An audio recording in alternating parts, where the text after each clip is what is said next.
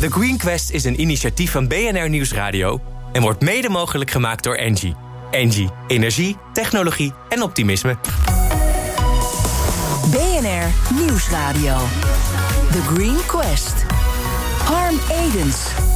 Hoe maken we samen een toekomstbestendige wereld? En welke innovaties in het bedrijfsleven dragen daar echt aan bij? Die zoeken we elke week in de meest zinvolle zoektocht van Nederland. The Green Quest.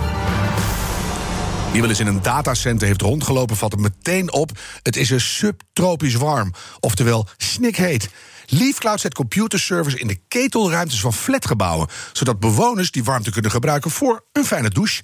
Ik ga zo uitzoeken hoe dat werkt en of dat allemaal zomaar kan.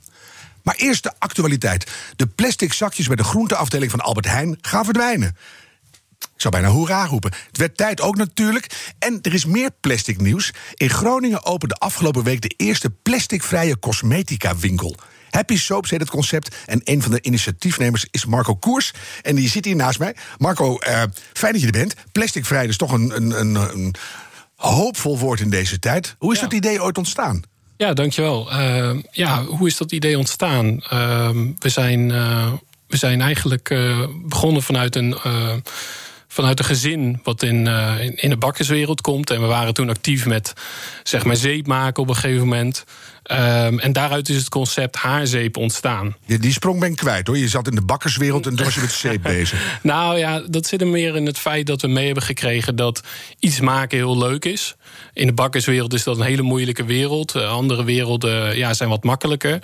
Uh, de cosmetica is, is denk ik een makkelijkere markt. Maar um, uiteindelijk zijn wij gaan experimenteren, mijn broer en ik, met zeep maken eigenlijk voor de lol. En daaruit is Happy Soaps ontstaan. Maar waar dus, komt het happy element dan vandaan? Want dan kan je ook gewoon een, een modern stuk zeep maken wat je leuk ja. vindt, wat niet wereldverbeterend is. Nou, uh, we vonden het dus leuk om, om handmatig echt zeep in de keuken als het ware te maken. Dat gaat mm -hmm. dan in een pan. En um, uiteindelijk loop je dan ook tegen het feit aan als je in de schappen staat dat je daar een probleem ziet. Namelijk dat eigenlijk alles wat je ziet uit plastic bestaat. Ja.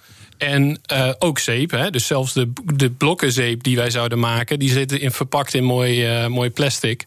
En uh, zo is het idee ontstaan om eigenlijk vanuit die zeep een plasticvrij verzorgingsmerk te ontwikkelen. Nou, we kwamen dus op haarzeep. Uh, daar zagen we van, nou ja, dat werkt niet echt lekker voor je haar. En zo zijn we uiteindelijk op het idee gekomen voor een shampoo bar. Mm -hmm. En die hebben we in juni 2019 uh, getest. En toen ging het verder en verder en verder. Verder en verder. En nu, ik wist natuurlijk dat jij vandaag zou komen, dus ik zat eens even te tellen in mijn eigen badkamer. Er stonden toch vijf flessen, waarvan één aluminium. En er zit dan weer plastic in. Uh, je lost echt een probleem hiermee op, hè? Ja, ik, ik heb het gevoel van wel. Um, het is ook iets dat, wat ik heel logisch vind, zeg maar. He, dus je, je kijkt uh, gewoon in je badkamer, je ziet alleen maar plastic staan. Je kijkt in het schap, je ziet alleen maar plastic staan. En het hoeft helemaal niet.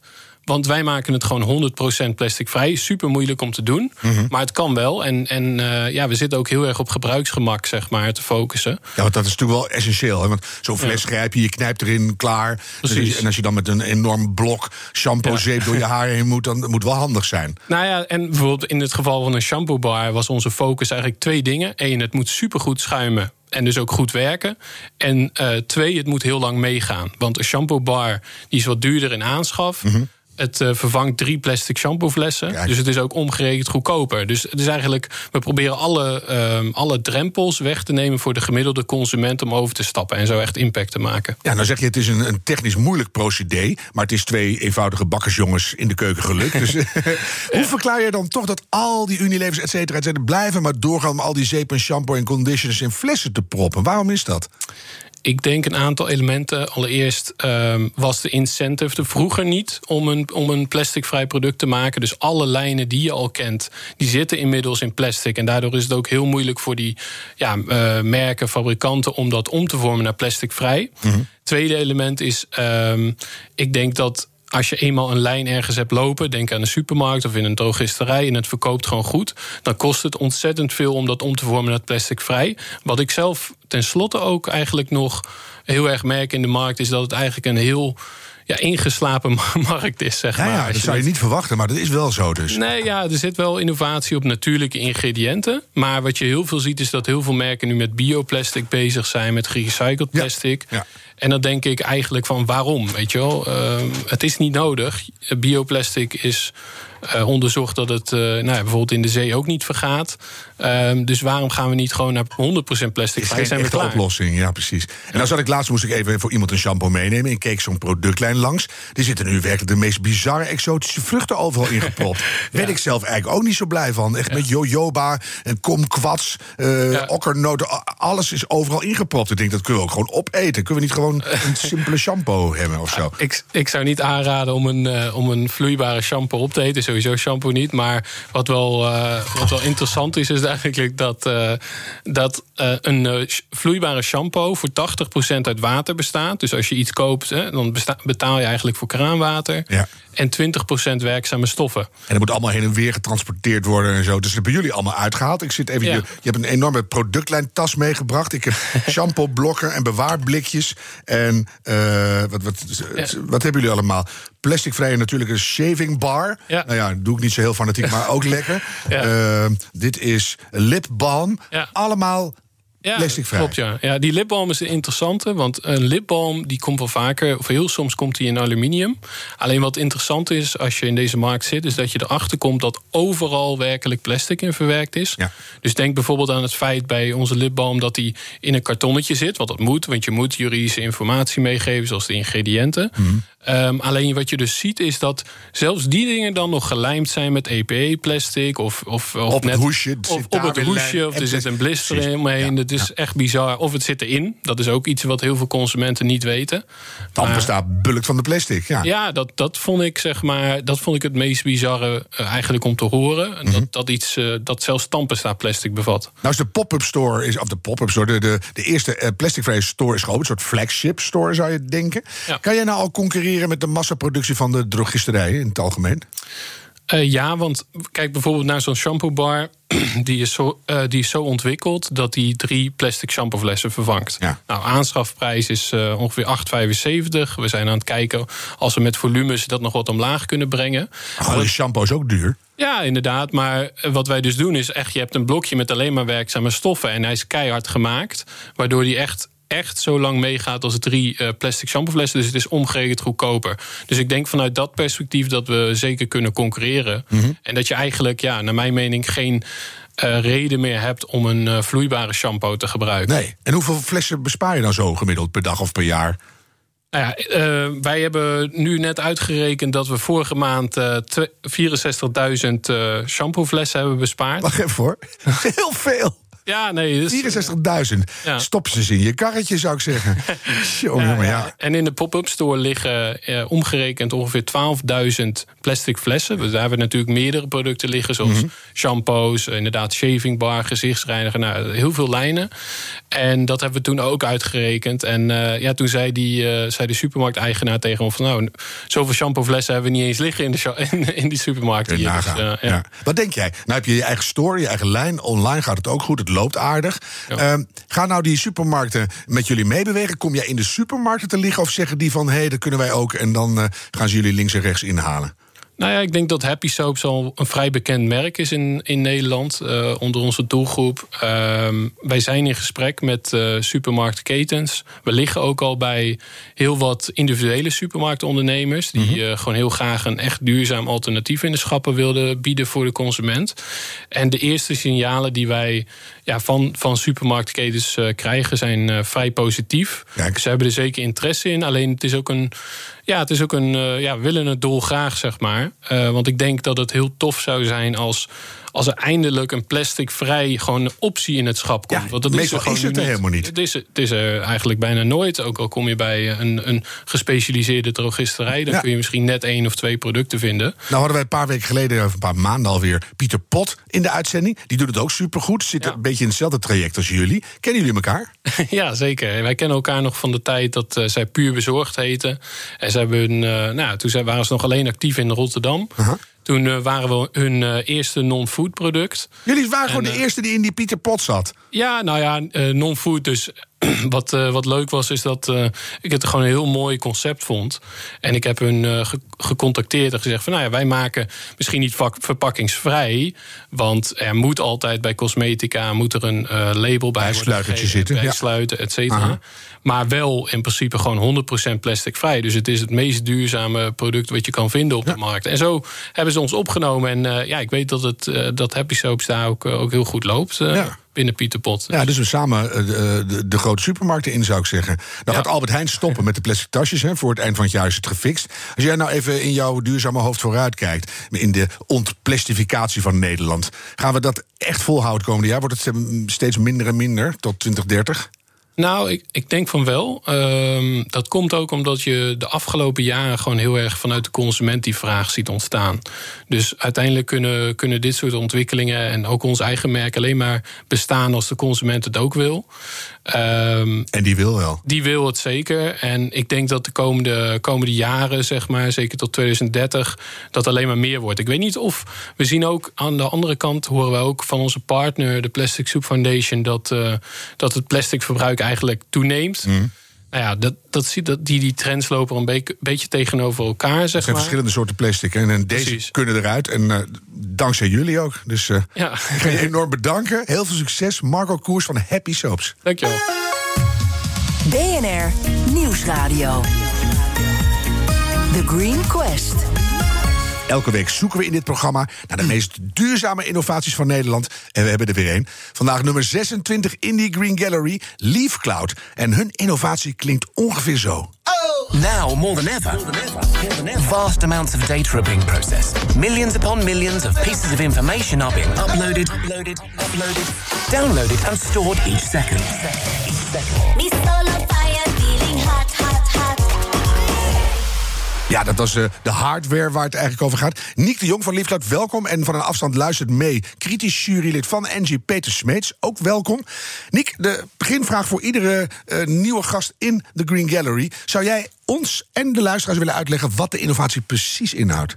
Nou, dat doe ik heel graag, eh, Harm. Goedemiddag. Um, wij bieden eigenlijk een ultragroen Nederlands alternatief voor clouddiensten zoals die van Amazon Web Services of Google of Microsoft. Maar wat wij anders doen, is dat wij bieden wel gewoon eigenlijk hetzelfde type cloud aan. Maar wat wij anders doen, is dat wij inderdaad die restwarmte hergebruiken. Wat die anderen niet doen. En daardoor zijn we uit ontzettend veel groener dan zij. Dus, uh, en zoals we in het inleiding ook al hoorden, we gebruiken steeds meer cloud. We gebruiken steeds meer cloud. Dus we moeten echt opletten dat we. Wat doen we met die restwarmte? Want anders dan zitten we alleen maar uh, heel veel energie te gebruiken. En dat, dan gaan we helemaal kapot aan eigenlijk. De prognose is het als we niks aan dat dataverbruik doen, dat in 25 jaar of 80% van de energiebehoefte naar datacenters gaat. Hè? Dus ja. dat is een, uh, een scary vooruitzicht. Uh, de innovatie is eigenlijk los van de dienst die je aanbiedt, vooral de plek waar je die service neerzet. Hè, waar ze al meteen behoefte hebben aan warmte. Ja. Uh, ik ga meteen even naar Peter. vind je het niet gek, Peter, dat dit niet op veel grotere schaal al gebeurt? Nou ja, uh, cloud is inderdaad hot, letterlijk en figuurlijk. Ja. Uh, dus datacenters, energie-efficiëntie is wel een issue. Maar wat ik me afvroeg is, uh, nou, ik ben het kijken naar de zekerheid die zo'n omgeving uh, vraagt op het gebied van connectiviteit, uh, uptime, beveiliging. En daar heb ik wel zo mijn, mijn vragen over, Niek. Hoe borgen jullie dat? Um, en, en hoe kan je concurreren met de grote spelers die dat over het algemeen super voor elkaar hebben en ook gecertificeerd zijn. Ja, dat zijn wel goede vragen, Peter. Dus uh, eigenlijk tweeledig. Niek, de ene kant, ik had hem heel simpel geformuleerd voor mezelf. Zijn ketelruimtes wel geschikt om clouddiensten in te bewaren? Dus eerst die maar eens even. Hoe borg je de boel? Uh, nou, het mooie is dat wij uh, niet alleen in ketelruimte staan. Uh, wij staan op meerdere locaties. En eigenlijk door dat grote aantal locaties word je eigenlijk vanzelf ook veiliger. En daarnaast leggen we ook nog wel een combinatie, een, een connectie met een gewoon datacenter. Dus in een noodgevallen, dan kan je ook daar vandaan gewoon werken. Maar het grote werk, het computewerk zoals we dat noemen, begint eigenlijk in die veelheid van kleinere locaties plaats. Die allemaal inderdaad netjes op plaats staan waar warmte nodig is. Mhm. Maar bijvoorbeeld een ketelruimte van een appartementencomplex. Heb je dan een extra beveiligde deur? Of Ja, natuurlijk. De monteur van de verwarming mag er dan niet bij? Of hoe werkt dat? Want die Chinezen monteren ook natuurlijk. Nee, we weten precies wie er naar binnen gaan en wie er naar buiten gaan. Dat kan je ook aan ons overlaten. We zijn een cloud provider. Hè? En de cloud moet het altijd doen. Dus wij moeten wel zorgen dat die clouds er altijd zijn. En ehm, nou ja, ik kan het je helemaal uitleggen, maar dan hebben we meer dan een Nee, kwartier dat, nodig. dat- Maar als jij het zegt dat dat klopt, voor, voor nu is dat goed genoeg. Ja, en het, gewoon, doordat we een heleboel locaties hebben, er gaan, ze gaan nooit allemaal tegelijk eh, kapot. Nee, dat is waar. En dan de vraag, eh, de, de, de, de schaal, hè? dus eh, de grootte. Ja, nou dat is heb ik. ik ben een. eigenlijk kom ik helemaal niet uit IT. Ik ben een econoom van huis uit. Dus het eerste wat ik ging doen is rekenen. Om te kijken of die business case eigenlijk wel uit kan. En het hele mooie daaraan is omdat wij dus warmte leveren. En dat er heel veel locaties op zoek zijn naar die warmte. Eh, krijgen we heel veel aanbod van locaties. En hoeven we niks voor die locaties te betalen. Dat gebeurt nu al. Ja, dus Mensen wij- die jullie actief benaderen van, eh, kom maar bij ons, want wij willen warmte. week. Dus wij als cloud provider zijn eigenlijk heel erg gezegend eh, dat wij allemaal locaties aangeboden krijgen. Wij, en daardoor hoeven we dat niet meer in de kostprijs van onze cloud mee te nemen. En onze klanten die de cloud bij ons afnemen, krijgen dat ook gewoon mee, eh, eigenlijk in hun prijs verdisconteerd. Dus wij kunnen gewoon concurreren ten opzichte van al die andere partijen zijn. We zijn eigenlijk altijd goedkoper. Ja. Dus groener en goedkoper. Ik koppel hem meteen. Ik, ik zit hier alleen als verbinder nu. Ik ben zelf een soort mini-datacenter aan het worden. Peter, eh, het, het klinkt als een goed verhaal. Wat zeg jij dan? Ja, ik twijfel nog een beetje, Harm. Eh, kijk, die, die decentrale oplossingen, dat, dat is natuurlijk nieuw. Eh, ik vraag me af hoe je borgt dat je, dat je over langere termijn dan eh, die locatie eh, vastlegt. En het tweede waar ik aan twijfel is, ehm, ik zie ehm, op dit moment allerlei initiatieven gericht om met name minder warmte. Dus de grote jongens die doen allerlei innovaties om eh, ehm, ja, hun, hun servers warmte effectiever te maken. Ja. En dat is nou net het verdienmodel eh, van, eh, van Leafcloud. eh Ja, eh, ja. Nick, reageer er eens op. Ja, dat zijn echt twee hele goede en logische vragen. Ik ben ook heel blij dat ik er een goed antwoord op heb. Dus dat eh, gaat Nou, nu gelijk komen. Dan geeft, geeft de jury Ehm, weer een punt. Het komt, eh, die locaties, daar hoef je voorlopig geen zorgen over te maken. Wij werken samen met een, een partner en die heeft 250 locaties eh, van appartementencomplexen. En daar eigenlijk, de eerste staan ook al daar. Dus voor de eerste 250 locaties zijn we eigenlijk onder de pannen. En hoe lang mag je daar dan staan? Is, is het dan wat We hebben een contract voor minimaal vijf jaar, maar zij krijgen gratis warmte van ons. Dus Mhm. Ja. ik, ik zie ons nog niet heel erg hard eh, dat zij zeggen: jullie moeten nu weg. Nee, oké. Maar dus vijf jaar heb je dan een, een Minimaal. aanloopzekerheid. En dus, eh, langer als het kan. Ja, zeker. Dus die locaties, daar eh, maak ik me niet zo'n zorgen over. Eh, want als we echt 250 locaties hebben, dat is echt heel veel. Eh, en dan de andere vraag is van, wat was het ook weer? Mhm. Nou, wordt het niet eh, steeds qua Oh ja. innovatie minder warm in ja, de centra? Ja, nou, ik trek daar altijd een vergelijking met. Ik heb in mijn vorige baan heel veel in Duitsland gewerkt. En die hadden het altijd over dat ze die- de dieselauto's nog efficiënter gingen maken. Maar het bleven dieselauto's. En hetzelfde geldt voor die hele grote datacenters. Je kan wel steeds efficiënter worden. Maar uiteindelijk moet je de energie instoppen. En wij kunnen eigenlijk tot 80%, minimaal 50%, maar het kan ook wel 50% van de energie die erin gaat, halen wij er ook weer uit. En Ja. dat halen zij nooit. Want zij blijven altijd steken op maximaal. eh, Ja. Omdat er energie in moet. En de rest moet, moet sowieso af. energie in. Maar je hebt natuurlijk in eh, Eindhoven fotonica, die ken je ook. Ja. En die zijn eh, de elektronen aan het vervangen door de fotonen. En dan is de, de warmteontwikkeling een stuk minder, had ik begrepen. Als je daarop preludeert, hoe gaat het er dan uitzien? Nou, wat we tot nu toe zien is dat je hebt sowieso de bestaande locatie natuurlijk. En wat we zien is dat de technieken worden wel allemaal beter. En dat juichen we ook heel erg toe. Want hoe minder warmte, hoe beter. Maar het gaat met name om het hergebruik van die restwarmte. En dat moet je eigenlijk altijd naartoe zorgen dat je dat kan hebben. En als er nog een nieuwe technologieën komen waardoor het niet meer nodig is, zou het mooi zijn. Want dan is het opgelost. Maar daar zijn we voorlopig nog niet. In Nee, dan ga je weer wat anders doen in die ketelruimte. Dan, eh, als je die eenmaal hebt, dan kan je mooie dingen doen. Nou, zat ik jullie een beetje eh, te, te bekijken voordat je hier eh, arriveerde. En toen dacht ik ineens, hé, hey, dit lijkt op een bedrijf... wat ooit in, eh, een tijdje geleden in Delft werd opgericht. En eh, ik weet niet of het goed uitspreekt, Nerdalize. Ja. En eh, komt je dat bekend voor? Ja, dat komt zeker bekend voor, want wij zijn eigenlijk de, de opvolger van Nerdalize. Dus we hebben de, de goede dingen van Nerdalize eh, gepakt. Ja, Want dat, Nerdalize dat ging ook over warmte en dat ging op de fles. Ja. Wat, wat ging daar fout en wat doen jullie nu wel goed? Nou, wat, om te beginnen wat er goed ging bij Neurlijst... zij hebben natuurlijk dat concept gebakt... we kunnen die warmte hergebruiken op de locatie waar de warmte nodig is. Ja. En omdat ze dat gedaan hadden... hadden ze ook een aantal ding- security concepten bijvoorbeeld... waar Peter zich ook zo druk over maakt... hadden zij ontwikkeld hoe dat secure kan. Alleen, eh, zij zetten dat dat bij particulieren thuis. En dat is eigenlijk uh, een verkeerde stap achteraf gebleken. En wat wij dus doen, dat is ook precies waar Peter naar net naar vroeg. Ja. Wij zetten het altijd op professionele locaties neer, waar wij contracten hebben met de locatiebeheerders, wat langetermijn locaties, uh, contracten zijn, waar afspraken zijn over de beveiliging en al dat soort dingen. Minder kwetsbaar daardoor. Ja, en daarnaast leveren wij ook een eigen cloud. En dat deed Nerdlines ook niet. Dus wij, zijn, uh, wij kunnen gewoon naar bijvoorbeeld Milieudefensie of, of mobiel.nl, dat zijn allemaal klanten van ons. Die kunnen wij heerlijk, die kunnen we gaan bedienen. En daar hoeven we geen tussenpersonen meer tussen te hebben. Daar was ik ook benieuwd naar. Wat voor soort klanten trek je nu al? Dus Milieudefensie begrijp ik. Maar zit het ook als, als early adapters in die hoek? Dat mensen denken, hey, leuk, eigen clouddienst. Misschien ook qua privacy wat handiger. En, en op deze manier heel erg goed voor de toekomst. Ja, wat, je, wat ik zie, bijna alle klanten of potentiële klanten die ik spreek... iedereen wil eigenlijk het groene alternatief kunnen kiezen. Maar niemand wist dat er een groen alternatief voor de cloud was. Nee. Dus toen ik uh, bij mobiel.nl kwam, toen kwam het eigenlijk, viel dat een heel uh, goed uh, vruchtbare grond. Want die vinden het hartstikke leuk om ook zelf te vergroenen. Net als dat je. En, um, wat je ook ziet is dat ze, waren nog, ze zijn nog niet eens bij ons gestart. En toen hadden ze het al op hun eigen personeelsbijeenkomst al genoemd. Dat ze naar LeafCloud gingen en gingen vergroenen. En juist dat vonden ze ook hartstikke mooi. Ze willen natuurlijk altijd iets leuks zeggen ook. En alweer zeggen ja. de, de, de, de, koffiekopjes zijn geheel van papier. Daar ben je op een gegeven moment klaar mee. Ja. En dan wil je wat groter nieuws. Maar hoe leuk is het nou dat je telefoontjes kan verkopen... en je weet dat vervolgens mensen in Amsterdam staan te douchen... van het water wat verwarmd is omdat jij je telefoontjes aan het verkopen bent. Met een, met een happy so bar. en het, ja, je wordt gek van geluk met z'n allen. Peter, ben je al iets meer overtuigd? Ja, nou, ik moet zeggen, Niek heeft best wel een, uh, wel een goed verhaal. Mm -hmm. Dus ik was, uh, voordat ik begon aan de uitzending, een stuk uh, kritischer. Ja. Uh, ik ben nog wel echt heel erg benieuwd naar hoe die, die, die wat kleinschalige, decentrale oplossingen tot een, uh, een haalbare business case leiden. Daar ben ik, uh, ben ik erg in, ge in geïnteresseerd. Ja, dat vind ik ook een goeie. Ja.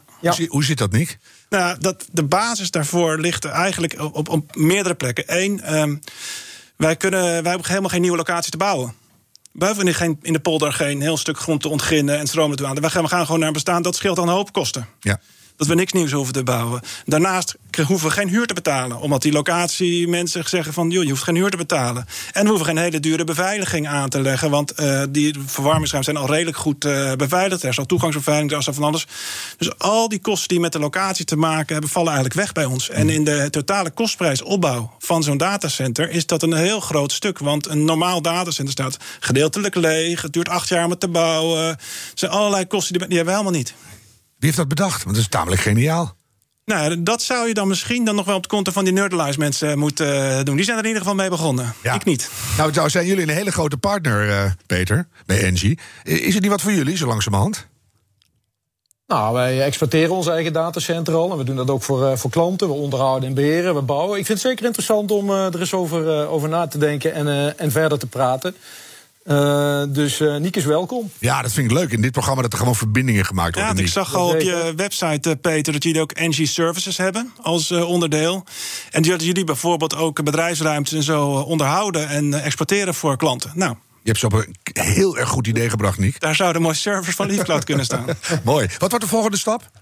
Uh, nou, wij, wij, zijn nu bezig om in de regio Amsterdam een heel netwerk van leafsites uh, te bouwen. Mm -hmm. Maar uh, als dat werkt en, en volkomt, omdat veel mensen voor de cloud kiezen, dan is dat eigenlijk uh, gelijk klaar. En dan kun je het zo exporteren naar waar jij wil. Uh, rest van Nederland, rest van de wereld. Ik denk rest van de wereld. Nick de Jong van LeafCloud, dank dat je hier was. En Peter, jullie gaan als jury weer cijfers uitdelen. En dan zien we later of dit bedrijf kans maakt om te winnen. En dan krijgen ze de heuse Green Quest Award. Dank voor je bijdrage vandaag. Absoluut. Dank je wel. Heeft jouw bedrijf nou een minstens zo belangrijke innovatie? Meld u vandaag nog aan voor onze competitie op thegreenquest.nl. En deze aflevering terugluisteren kan via de BNR-app, bnr.nl of op je favoriete podcastkanaal. En bedenk minstens één keer per week die volhoudbare wereld, die maken we samen. The Green Quest is een initiatief van BNR Nieuwsradio en wordt mede mogelijk gemaakt door Engie. Engie, energie, technologie en optimisme.